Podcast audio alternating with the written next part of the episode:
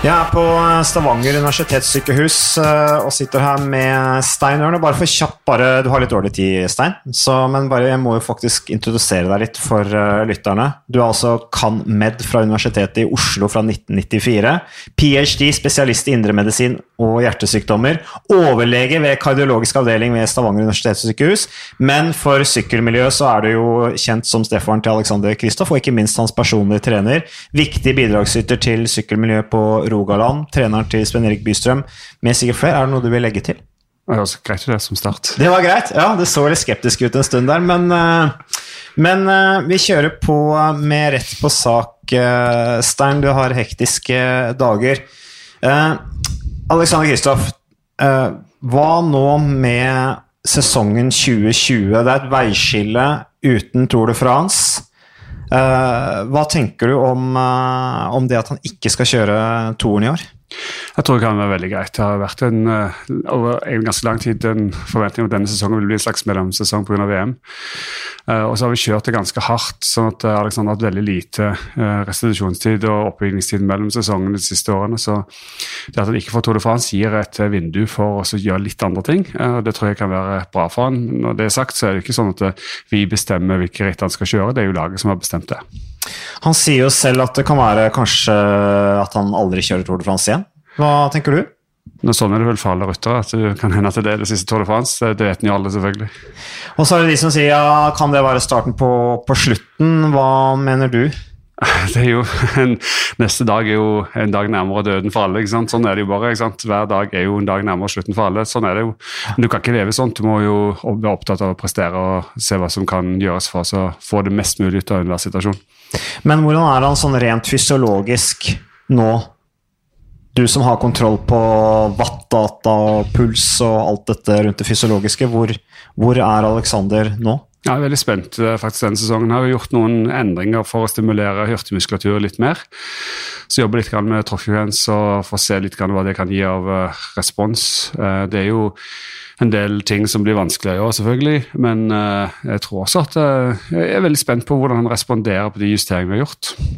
Og justeringer på tråkkfrekvens, altså han skal få hurtigheten, eller?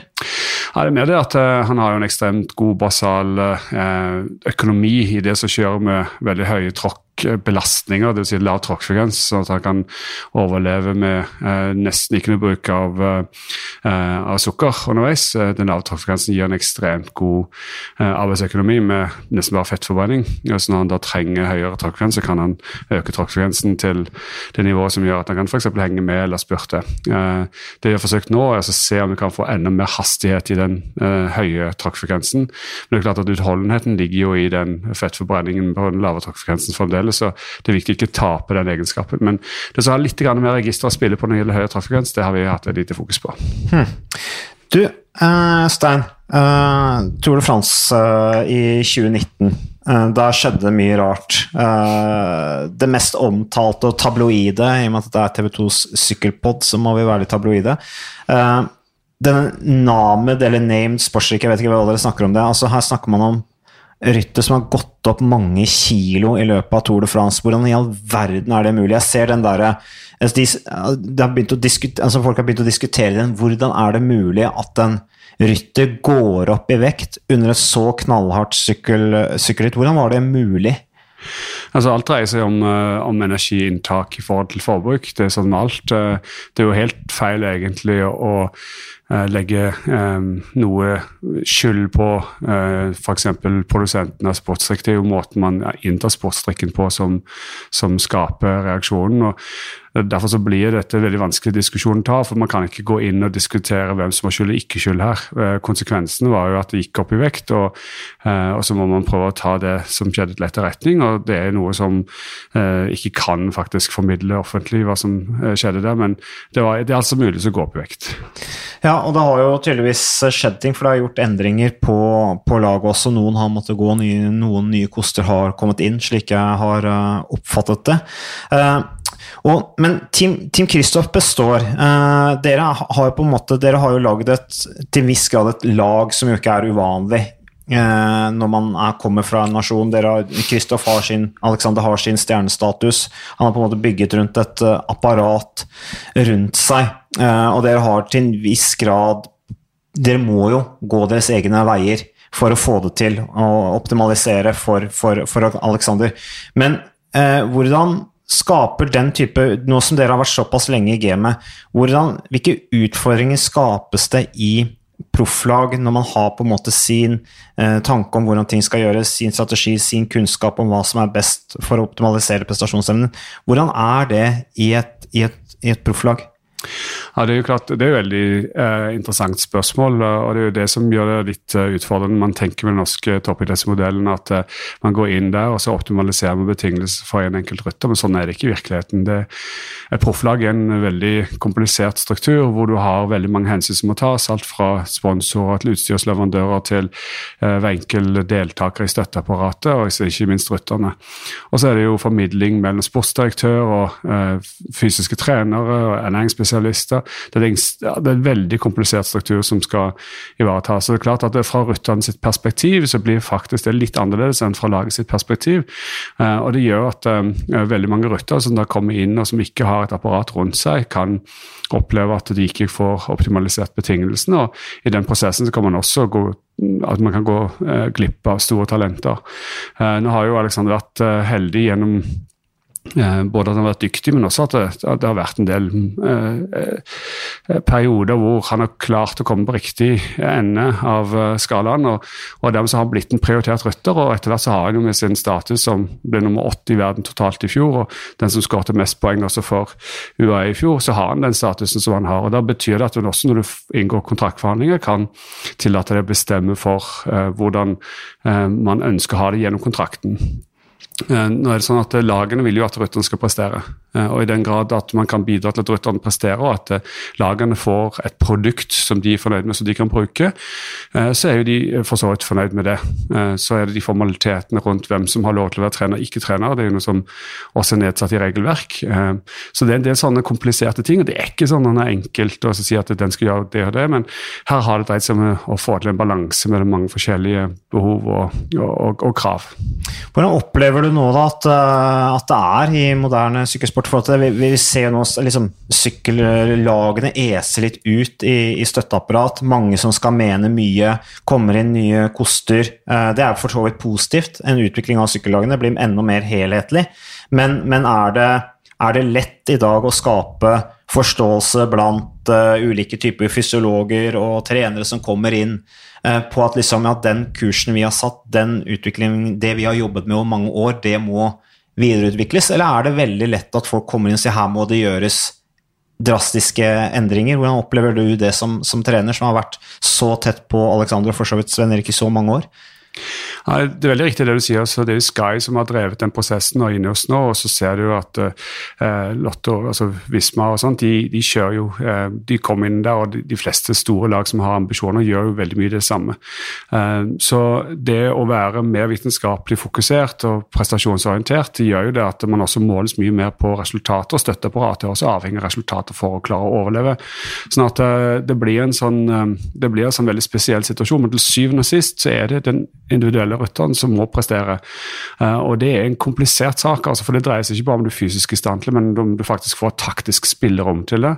Altså Er du god nok, uh, så hjelper ikke det hvis ikke du får lov å lage til å faktisk kjøre for dine egne sjanser.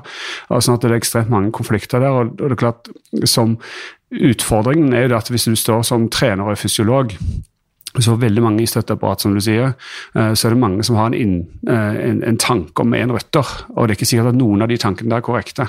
Eh, for til syvende og sist er det røttene sin kropp som, som bestemmer om, om røttene kan passere eller ikke. Og Fremdeles så finnes det ingen målemetoder som gjør at man totalt sett kan f.eks. ta en verdi og så si at det er sånn og sånn du skal trene. Det er en sum av alle faktorene. Altså det er næring, kosthold, altså kosthold hvile, restitusjon, treningsbelastning, alt dette til sammen. Og du kan tenke deg at Hvis du da er en fysiolog i et lag og så skal ta vare på alle andre ting, og sportsdirektøren gjør det motsatte, og så har du en næringsspesialist som gjør det motsatte, og så blandes flaskene feil, så er det ute og kjører. Så du får veldig mange ulemper med å øke lagets eh, størrelse også. Og det er det som ligger i styrken, at man f.eks. har en sånn relasjon sånn som Alexander meg, hvor de vet hva de får for noe, og de får en tilbakemelding på det, sånn at du, du har en viss trygghet i at det som, som blir levert, er det som altså man presterer det man, man lover, stort sett. da. Um, så det det er både bakdeler og ulemper med den vitenskapelige holdningen til idretten som man ser i dag. Uh, og Derfor så ser du også f.eks. Team Ingebrigtsen, og du, du, ser også altså hvordan hekkeløperne våre kommer seg fram med relativt enkle metoder. Altså Det er ikke veldig mye data og tall, men det dreier seg om den personlige relasjonen mellom trener og utøver, og som klarer å holde styr på utøveren med de riktige innsiktene og den riktige forståelsen av idretten. Det er det til syvende og siste dreier seg om. Heldigvis vel så hadde alt bare blitt roboter. Mm. Du, Uh, Alexander var jo uh, Det var litt sånn uh, tung start på sesongen i 2019. og han var nær litt ved å på en måte til en viss bli litt avskilt av laget før Gent Wavergame, og så klinte han til, vant der. hvordan, hvordan er den ideelle starten nå på, på 2020 for at han skal beholde statusen? Hvordan ser du liksom han i forhold til eh, Gaviria og, og, og veien videre i UAE? Ja, klart, du kan ikke gjøre noe annet enn å fokusere på egen prestasjon og utvikling. Eh, hvis du begynner å tenke på andre og, og det stresset som er rundt, så har det vært kollaps for lenge siden. og særlig den perioden som du nevner der i forkant av Gent i fjor, var jo en kritisk fase hvor det var, hvor det var enormt press på Alexander sin prestasjon. Men han holder hodet kaldt, og han gjør det han skal, og lar seg ikke påvirke av den, den stressituasjonen han egentlig er i. Og Det er typisk for han, og derfor han også leverer i de store mesterskapene og i stressa situasjoner, for han fokuserer på sine arbeidsoppgaver og lar seg ikke distrahere. Og Sånn er det nå også. Eh, vi kan ikke eh, tenke på noe annet enn å prøve å få hver eneste økt til å bli best mulig. Men utfordringen er jo selvfølgelig når vi blir eldre, det er restitusjonstiden vesentlig. At man får lengre restitusjonstid, og tar det lengre tid mellom hver gang man kan trene hardt, så får man også en utfordring for prestasjonen. Og da har man avhengig av at man i de årene før har bygd god, et godt grunnlag som man kan spille på. For eh, med alderen så blir man klokere, man gjør bedre valg og kan rasjonalisere en del av det som man før brukte krefter på. Det kan man fjerne, og så kan man være litt smartere. Så man kan klare seg prestasjonsmessig bedre som en, som en eldre rytter enn det man var som yngre rytter, selv om fysisk sett har gått litt ned. Du nevnte Gert Ingebrigtsen, um, og du har jo fulgt uh, Alexander i mange år uh, med den familierelasjonen. Eh, og si at det er jo hemmeligheten til å virkelig gjøre suksess på en måte trener utøver, er jo kjenne hverandre om mange år, kjenne hverandres begrensninger. Uh, mye viktigere enn å ha en masse tall og utdannelse å forholde seg til ved å komme inn som fersk fysiolog og trener. Uh, men uh, hva er, er, du en Er du en type hjert? Hva mener du er oppskriften i forhold til å bygge unge utøvere i dag? Ja, du, må, du, må, ha grunnleggende forståelse og kompetanse. Er Det noen som tar det intuitivt, sånn som Hjerta, og så, og så har du jeg som har lest meg til og, og brukt mange mange år med, med prøving og feiling og har ganske tung vitenskapelig bakgrunn for alt det vi gjør. Uh, og hvor jeg resonnerer ut ifra vitenskapelige teorier, men uh, kombinerer den praktiske med den teoretiske uh, litt mer på et vitenskapelig nivå enn en Gjert som gjør det mer intuitivt og kanskje med litt annen forståelse. effektene blir veldig like for det å kunne trene noen dreier seg om å forstå hvordan den eh, personen reagerer både mentalt og fysisk på de belastningene du, du, tilfører, men du må også vite hva slags type belastninger du skal gjøre. Og Det grunnleggende er jo det at du må jo trene på det du skal være god i. Eh, og så må man se hvor mye man klarer å trene for at man skal bli eh, så god som mulig. Og da, Det er jo en av fordelene når man observerer utøver hele tiden, sånn familierelasjon, at man vet hvor stor belastning utøveren har hatt i løpet av en dag, og da kan man klare å gi nok eh, og stimulere der det blir for lite, og ta vekk der det blir for mye. Kjenner du Gjert? Har du prata med han om trening? Ja, vi har rimelig regelmessig eh, relasjon som, som, gjør at vi har snakka en del sammen, ja. Uh, over til noe litt annet, uh, Stein. Uh, Alexander blir jo har til en viss grad enkelte perioder blitt oppfatta som litt sutrete. Altså at han, han, er jo frittalende person, han sier det han føler. Han får mikrofonen opp i ansiktet. Han analyserer det som, som, som, har skjedd, forklarer hvordan han føler det. Jeg føler at han har på en måte fått en sånn feil oppfatning. Uh, eller at folk, publikum har en feil oppfatning av, av Alexander. Hvordan du opplevd det? Ja, Det syns jeg i aller høyeste grad for Alexander Tling på ingen måte sutrete. Han har aldri klagt over noen ting. Han er utrolig Han står eh, nesten alle belastninger, og han klager aldri på egne vegne. Eh, men det han eh, forsøker, er jo å si litt om hva som skjedde. Han forsøker å analysere den situasjonen. Så noen ganger tenker han høyt, eh, og det er ingen måte å bortforklare noe som helst på. Han prøver å finne ut hva er det som skjedde nå. Og jeg må si at jeg har faktisk fått med en del gode poenger fra det han har sagt rett etter målgang, for det gjør meg muligheten å starte analysen umiddelbart. Det vi ikke ser, er jo det som skjer i feltet, og du kan ikke se det på TV. eller Til og med på Wattfield er det så vanskelig å vite nøyaktig hva som skjedde. Uh, og den forklaringen han kom etterpå, er helt essensielt. Og han er, faktisk, han er, så analytisk i sin vurdering at det er veldig viktig informasjon han kommer med. Uh, og for de som ikke tåler å høre på at han sier det, så må han bare skru av og så la være å høre på det. Men for de andre så er det veldig viktig, nyttig informasjon han kommer med, uh, og man kan hente veldig mye ut ifra det han sier. Men tar, dere, tar du deg nær av det? Altså blir du, Syns du det er Blir du på en måte følelsesmessig engasjert når det kommer den type kritikk, eller? Jeg syns vel kanskje det sier mer om de som kritiserer, enn de som blir kritisert i denne sammenhengen her. Så, og så er det sånn, Man vet at det er jo en eh, fordeling av oppfatninger av absolutt alt, uansett hva man sier. Det er jo noen som syns, eller mener at jorden er flat. og, og Da tenker jeg at eh, det må man jo prøve å si imot, for jorden er jo vitterlig ikke flat, selv om det er noen som tror på det. Eh, og Så har man kanskje kommet litt for langt i vårt samfunn med at man aksepterer litt for mye. og Problemet da at eh, man da får en selvforsterkende negativ effekt på at det, det finnes mange Eh, meninger som utarter i for ekstrem retning. Eh, kanskje var det bedre før, hvor man hadde mer offentlig debatt omkring eh, ting, mens nå foregår veldig mye på lukka fora på internett. og Jeg tror vi er ute i en litt sånn negativ samfunnsmessig utvikling akkurat for øyeblikket når det gjelder de tingene der. På den, på den annen side så er det selvfølgelig ikke altså hvorvidt folk, folks meninger, det må de ha for seg selv. Men har dere bevisst dette? Har dere snakka om det? liksom at, at han har blitt oppfatta på den måten i, i media? Eller er det noe dere ikke bruker energi på? Bruker ikke energi på det. Nei. Eh, tilbake til, eh, til, dette med, med, det personlige forholdet trener-utøver. Eh, vi snakka om Gjert Ingebrigtsen, eh, som jo har satsa mye sammen med, barna sine. Et unikt eh, forhold, egentlig. Eh, og deg også, Aleksander. Hvordan vil du beskrive den veien dere har hatt til, til toppen sammen? Nei, altså det har jo vært en eh, veldig eh, Det har vært en fantastisk reise som familiemessig også, eh, relasjonsmessig. Men det er det der med å klare å ta riktig hatt på seg og være veldig klar overfor barna hvorvidt du er foreldre eller om du er trener. Og det har vi klart på en veldig fin måte. og det har jo gitt et gjensidig forhold som er veldig sterkt og godt, som helt fra starten av var noe jeg satte veldig stor pris på. så jeg oppfatter dette bare som kontinuitet. og Tross alt så er jo den idrettslige karrieren selv eh, sett i perspektiv bare en kortvarig del av, av, livet, men for Aleksanders vedkommende har jo det skapt egentlig eh, den situasjonen han er på alle måter, med barn og kone og Maren som, som han har truffet fordi han kom hit og fordi han sykler. Så det er ingenting av de tingene man ikke ville vært foruten. Så det er en stor gave i, i, den prosessen. Men er det litt sånn uh, Dette her at det blir litt fremstilt som litt sånn Du har Ingebrigtsen-familien.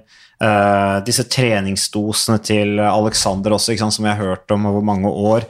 Er det litt sånn unorsk? Føler du at det er en unorsk måte å, å gjøre ting på? Nei, jeg, jeg, tror egentlig det er jo mer og, og, man ser kanskje mer og mer aksept for det nå, at man tenker sånt. Uh, man ser med Haaland også nå. Man ser mange av de beste idrettsutøverne har sterk støtte i familien bak seg. Men det er klart at det som er viktig, er at ikke man som foreldre ødelegger Eh, fellesskapet, at man driver sine egne barn på sånn måte at det ødelegger for de andre rundt, og heller prøver å gjøre det motsatte og bidra til å skape et fellesskap gjennom sitt e- engasjement for sine egne barn. Men det er klart, eh, jeg tror det er veldig vanskelig å lykkes som toppidrettsutøver i dag hvis man ikke har godt støtteapparat rundt seg. Akkurat sånn som det er nå, så er jo eh, foreldre noe av det mest sentrale og det nære og mest ekte. Og, og oppofrene du har, det er ingen ambisjoner på egne vegne som ligger, i hvert fall hos meg, og for at han skal lykkes. Det dreier seg om hans prestasjon. Lite hosteanfall der, eh, Stein. Sånn er. Du fikk ikke en flue i halsen, i motsetning til det noen syklister gjør når de sitter i feltet med, med åpen munn. Men eh, eh, Stein, jeg har sett det på spurtfeltet, eller det antatte spurtfeltet til, til giroen. Det ser ganske sterkt ut. Har du begynt å se på, på løypa, eller? Ja, ingen tvil om at løypen er jo en kjempe god løype for de med, med spurtegenskaper, men også klassikerryttere. Så Giron i år blir jo det feltet i, i worldturen som kommer til å ha de beste spurtfeltene, etter min mening. Jeg tror det France har blitt såpass hardt etter hvert at vi vil se mer eh, semispurtere. Men selvfølgelig man stiller med de beste spurtlag, men i år så er jo Giron virkelig tatt steg opp. Men hvor, er, hvor, hvor ser du utviklinga til, til, Alexander nå, uh, i forhold til at han blir eldre? Uh, nå skal han til Giron jakte etappeseiere i det kanskje sterkeste spurtfeltet som er i, i 2020. Eh, hvor er hurtigheten hans? Hvor er spurtbeinet hans nå kontra på sitt beste for noen, eller kanskje raskest for noen år siden? Ja, Det er det som er litt uh, artig nå. Vi har jo fokusert mye mer på frekvensorientert uh, ferdighet. og Det så man jo faktisk i fjor når vi vinner den første etappen uh, i Oman, som er veldig veldig rask i medvind. til og med Man sitter og spinner seg gjennom. Og, så vi får se litt hva som skjer for noe. Vi har også planer for en liten banekarriere på slutten av tampen av karrieren hans, så vi får se. Men jeg syns det er litt kult å ha litt nye utfordringer og forholde seg til. Men først og fremst så er det jo klassikerne som det jobbes mot. Så får en se hva han kan få der, og så tar han jo skirenn etterpå. Men det blir vanskelig å prestere i skirenn. Jeg syns for øvrig, eh, bare inn på spurt, det er litt synd å se på eh, Halvorsen nå i Down Under, som opplever akkurat samme problem som eh, Alexander hadde, eh, med et opptrekk som går for seint, hvor folk kommer bakfra. Så eh, det som er fordelen med med Alexander nå, er at han er jo blitt flinkere også til å manøvrere seg på egen hånd. Eh, så får han jo se hva slags type støtte han får, men eh, det er jo det han må basere seg på da i Giron også. Så han blir ikke noe tregere med åra, mener du? Jeg mener at du ikke blir det. Det er eksplosiviteten forsvinner. Men i, et, uh, i en, i en eh, spørsituasjon for, på world-nivå så er det ikke det som, som, Det er ikke noen akselerasjon, det er så høy fart i utgangspunktet at det er mer posisjonering og at du klarer å få den siste ut av, av, beina dine med, når du har kjørt knallhardt i forkant. Så jeg tror fremdeles det er mulig for eldre Rødt å hevde seg en spurt i world-turen sånn som den er nå. Men du nevnte bane, det er litt spennende. Nå kommer jo etter hvert Solavelodromen opp og stå. Uh, det prosjektet der har jo gått sin, sin gang og, og, blir en realitet. Og det er jo et historisk øyeblikk for Norge at vi endelig får en velodrom. Men du nevner her at uh, dere har litt tanker rundt den banen. Hva er det dere ser for dere? Det som er det geniale med en bane og banesykling, og det er viktig at man for hele Norge samler rundt eh, det å sykle på banen eh, og få store nok felt. For når du sitter og ser at sykkelritt, eller når du sender ungene dine ut og skal kjøre løp allerede i 13-14-årsklassen eller til 11-12-årsklassen, så ser du ikke i realiteten hva de gjør underveis på løpet. Dermed så kan de gjennom mange mange år eh, gå gjennom en utvikling hvor de gjør masse taktiske feil. Eh, på, på, landveien. På en bane så kan du observere det hele veien i løpssituasjonen. og De lærer seg disse små eh, timingene på avstand, på når de skal støte, de, hvor den skal legge seg. Alt det der det får du på banen på en sånn unik måte som du skolerer rytteren på en helt annet nivå enn det de har vært før.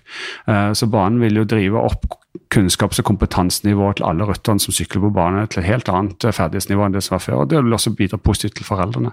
Man får sett ungene sine mens de kjører. og uh, Dette gjelder jo ikke bare for unger, men etter hvert også for de eldre uh, garde. Så den vil ha en enorm positiv effekt på alle nivåer.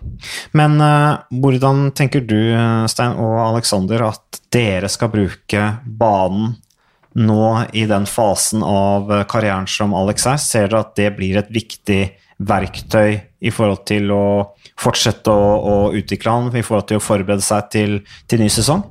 Ja, Nå gjør han en del økter på, på rollen med veldig høy trafikkfrekvens for å jobbe med frekvensorientert trening, og de vil utelukkende i fremtiden bli gjort på banen istedenfor. Man vil også kjøre sykkelløp på banen. Eh, så at eh, en del av det som han før gjorde på, gjorde på rollen, det vil han få på banen. Og, eh, og det er klart det vil jo ha positiv effekt. men Uh, ulempen med banesykling er det at uh, i forhold til landeveissykling så, så, blir selve tråkket litt uhensiktsmessig. Så uh, det i visse faser av sesongen vil ikke det være så aktuelt. Men i det store og hele så vil det være positivt for han. Men tenk, altså uhensiktsmessig tråkk, er det ikke sånn at banesyklingen er veldig utviklende for tråkkene? At det er veldig positivt, særlig for hurtigheten, teknikken? Jo da, men når du kommer i en sving på banen i 50 km i timen, så påvirker gravitasjonskraften tråkket litt. Eh, sånn at det blir lettere å tråkke ned enn å trekke opp. Uh, sånn at, og Det er derfor det er så viktig at du har lang nok bane. for uh, Hvis du kjører på for korte baner, så har du veldig mye gravitasjonskraft som, som, tvinger tråkket ned. altså Det er lettere for deg å trø ned.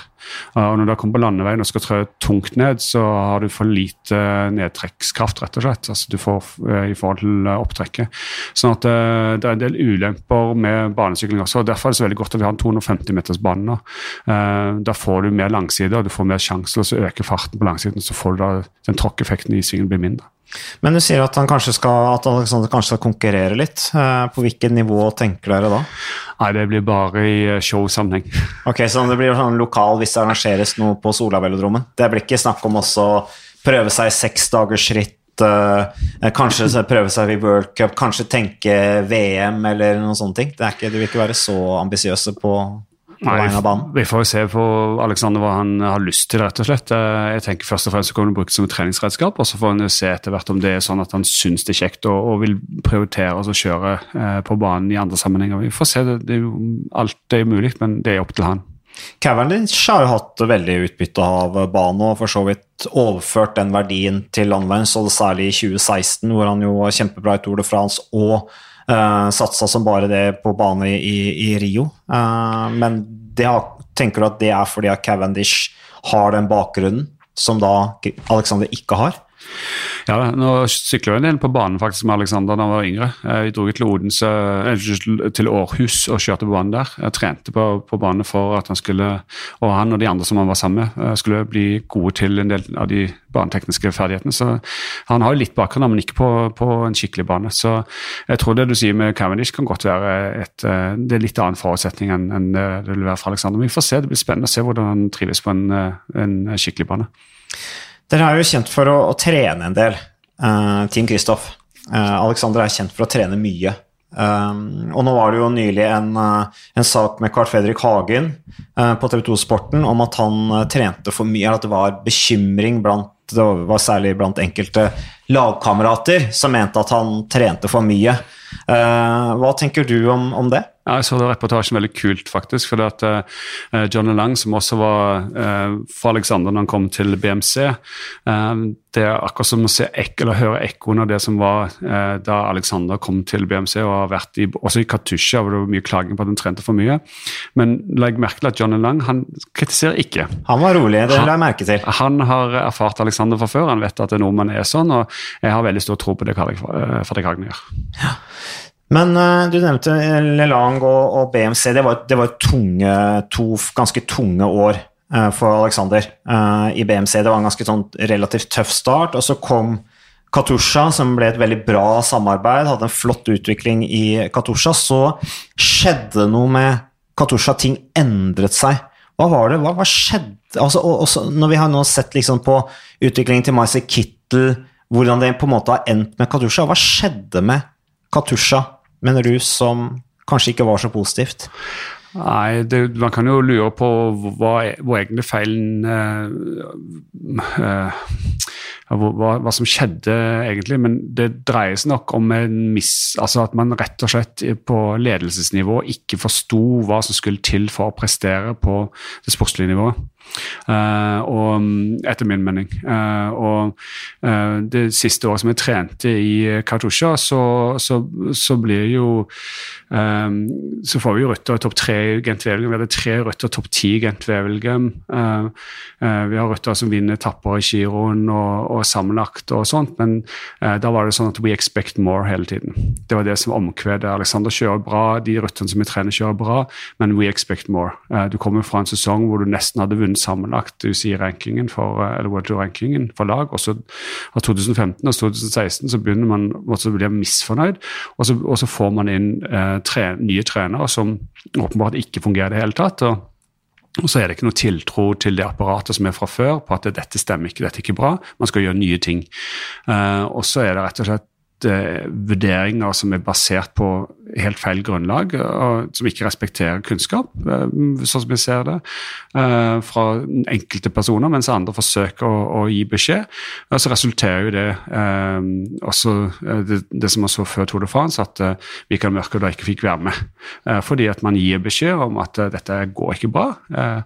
Og så velger man da istedenfor å høre på, så velger man å, å, å lukke ørene, og så går man videre og så kjører på sånn som før, og da går det bare dårligere og dårligere. Så det var jo starten på nedturen, egentlig. At man, eh, man bevegde seg vekk fra det som eh, var de og, og, det som gjorde og skapte prestasjonen. Man, man begynte å tenke andre ting som eh, etter min mening var helt feil. og Det viste det seg jo også at eh, samtlige rytter da underpresterte. Du hadde enkeltrytter som presterte litt bedre, sånn som eh, Pollitt, som fikk lov til å beholde sin personlige trener. Eh, og, men ellers så var det stort sett eh, katastrofeutvikling på de fleste. disse, Sånn som med Kittel, det gikk jo ikke bra. Um, så det er viktig å få et lag til å spille sammen og forstå grunnlaget for suksess hvis man skal fortsette å opprettholde suksess. Tror du at uh, Tilbake litt med Kittel og Katusha og dette her med å la folk på en måte få dyrke det de, de, de tror på, på, på individuelt basis. Uh, tror du at Kittel ble og Sånn som du sier det der, at det var for mye press, uh, at de aldri var fornøyd. Tror du at Kittel ble for alene til slutt med det presset? At det var årsaken til at han til slutt bare bukka under? At det er negativt for dagens ryttere? At de er for alene? Å ta ansvar. At moderne sykkelsport, de lagene som lykkes best, er de som har flere enere. Og at de rett og slett deler på å, å vinne. At det blir mindre press på, på de, de, største rytterne, på en måte. Ja, det viktigste årsaken til at Kittel ikke presterte, var fordi at han hadde ikke noen mulighet til å prestere. Altså, Det har man spiss uten et forsvar og midtbane. Det var ingen som serverte han ballene lenger. Uh, Kittel var en rytter som hadde enormt stor kraft i spurten sin, men han trengte å bli eh, servert god, et godt opptrekk uh, hvor han kunne ta utgangspunktet fra. Og Det var det ikke i Katusha. Alexander utnyttet jo egentlig ingenting. Det var jo litt sånn som Halvorsen ser nå, at han har for lav hastighet inn i spurtene. Det var store problemer hele tiden. Og når Kittel får det samme problemet, så har han ikke sjans. Han kom ikke i posisjon, og da nytter det ikke å spurte. og Det er den situasjonen vi prøvde å snakke om til ledelsen hele tiden. På, men da mente man at det var Alexander som var problemet. Mens realiteten var det at Alexander utnyttet jo egentlig et for altfor dårlig spurtopptrekk maksimalt. Eh, så når Kittel kommer og får det akkurat det samme, så har han ikke sjans å lykkes. Altfor for dårlige opptrekkere? Ja, rett og slett for dårlige opptrekk opptak. Og Det forsto ikke man i ledelsen, selv om man sa det. Og det var det som grunnen til at Michael ble, ble sparka ut av Tour de France. Hvem er, Klarer du å navngi de fem beste opptrekkerne i verden? Jeg vil ikke ta navn, altså, men det du ser at det er struktur. Eh, det dreies enormt mye om eh, personlig relasjon. At uh, den som trekker opp, skal ikke være i riktig posisjon. Sånn som, hvis vi tar Mikael, uh, som jeg syns er en av de mest fantastiske rytterne, den posisjonen som fins. også fordi at jeg har fått både kjenne han personlig, men må, sett måten han kjører på. Hvis vi tar den uh, Series Classics hvor Alexander vinner i London, etter å ha kjørt egentlig et relativt dårlig Tour de France, så kommer Mikael Mørkhaug, kjører oppdrag for Han, han, plasserer ikke Alexander i første eller andre posisjon, han plasserer Alexander i fjerde posisjon. og så manøvrerer Alexander seg inn i posisjon og vinner den spurten uh, på, foran Buckingham Palace. Uh, og det, uh, Mikael Mørkeved han plasserer opptrekkeren sin, altså han plasserer spurteren sin i riktig posisjon, på en sånn måte at du har spart mest mulig krefter og har muligheten for selv å gjøre de riktige valgene. Det verste en opptrekker kan gjøre, er å plassere deg foran med for lav hastighet. Da har du, da har du knekt spurteren, da har du ikke sjans. Og Det ser du når en spurter som sitter i annen posisjon, blir oversendt bakfra, sånn som Halvorsen gjorde nå på, i, i Nederland, nei, i, i eh, Down Under, mm. så, så, så, så, forstår du at da har opptrekket mislykkes. Um, så det det dreier seg om, er rett og slett intelligente opptrekkere som kan gjøre den jobben. Sånn som Mikael Mørke. De beste opptrekkerne er selvfølgelig de som kan kjøre ekstremt høy fart og bare levere det for front. sånn at ingen... Paulini var et eksempel på det, da. Ja, men Paulini lærte også Alexander måtte gjøre mye jobben alene. Pauline var jo aldri altså den perioden Man, man snakker opp Pauline, og Pauline var bra, men, men, Alexander var veldig alene. Og det var veldig få store ritt. Det er først de siste årene Alexander har vunnet masse spurter. Folk tenderer til å glemme det. det jo, han, har, han, var ikke i nærheten av å vinne masse spurter. De spurtene han vant i Tour de France, det var jo utmattelsesspurter, og folk var helt knuste. Sånn typisk sånn spurt som Alexander vinner. Men det er siste årene han har vunnet masse spurter i reelt mann-mot-mann-kamp. Tror du han kan slå Groneveggen i giroen? Det er Jun som blir den store. Hmm. Jun uh, har nå tatt det steget som uh, du egentlig venta på. Så også måten han spurta på nå. Han, han, står opp og får en kraftutvikling som er mye bedre enn før. Før var det bare aeroposisjon hele tiden. Nå er han mye mer dynamisk. Han har fått veldig god rettledning fra Lotto. Si. Uh, og de er smarte. De kan sette opp et godt opptrekkstak. Så det er klart at med det opptrekkskulturen som de hadde før Greipel, og bruker den på Jun nå, så tror jeg at Jun kan bli den store. Så det blir et duell mellom de to der. Ewan blir kanskje den store også. Til slutt, uh, Stein. Uh, du har jo fulgt sykkel veldig tett i mange år. Uh, og hvordan syns du utviklingen har vært? hva tenker du om fremtida nå? Det som er mest opptatt av, er egentlig bredden i norsk sykkelsport, også internasjonalt. Vi ser jo mye trafikkuhell. Ehm, det gir negativ omdømme for sykkelsporten. Eh, vi ser at det er veldig viktig for folkehelsen å drive med sykkel, eh, fordi at det er så allment tilgjengelig. Men det er viktig at veibyggerne lager gode veier, sånn at man skiller harde trafikanter fra myke trafikanter. Og så er det litt av utfordringen når det dreier seg om idrett, at de som er gode i idrett i dag, er veldig gode. Uh, og da Jeg husker tilbake fra min egen tid som ung rytter i 13-14-årsklassen. Jeg startet faktisk 15-årsklassen, men uh, var akkurat uh, kommet inn, så, så, var det ganske sånn Eh, mange som sykla, og mange som var dårlige. og Det var noen gode, men det var stort sett ganske spredt utover det jevne. Det gjorde at selv relativt dårlige hadde en sjanse til å komme inn i idretten. Sånn som det er nå, så får vi veldig gode topper, men veldig liten bredde. For det, det er vanskelig å få et innsteg. Og jeg tror at det, det som er viktig for oss, eh, er å tenke mer prestasjonsnivå går vekk fra den tanken om alder. Det er, noe, det er den ene tingen, at vi må tenke alternativt. Og så må vi eh, være mye Hvordan da alternativt i forhold til alder? Hva tenker du nå? Nei, at uh, man uh, Sånn som vi har et eget ritt på Forus, mm. som vi har kjørt i 20 år nå, i år. Som heter Veidekke Cup for øyeblikket, hvor vi kjører i fageklasser og ikke i aldersklasser. Eh, hvor, hvor rytterne velger sin egen prestasjonsnivå, uavhengig av hvor gamle de er. Eh, og de kan kjøre på det nivået. Da det er alltid et eh, stort felt rundt deg, og du kan ha gleden av å kjøre sammen. Ingen som bryr seg om det er noen eldre eller yngre i den. Alt er aksept for. Og Da kan vi opp mot 250 ryttere på en onsdags ettermiddag. Og jeg, tror, jeg har tro på den type systemer, at man prøver å lage mer opplevelser på det å sitte i felt og kjøre sammen, at det er viktig. Ser du noen store talenter der ute? Vokser det godt her på Rolandskysten? Ja, Det vokser godt i hele Norge. Eh, de beste som jeg sier, de er veldig gode, eh, men det som er utfordringen, er bredden. Vi lar det være siste ord, Stein. Takk for at du eh, stilte på Sykkelpodden, og takk for at du lyttet. Vi er straks tilbake med mer.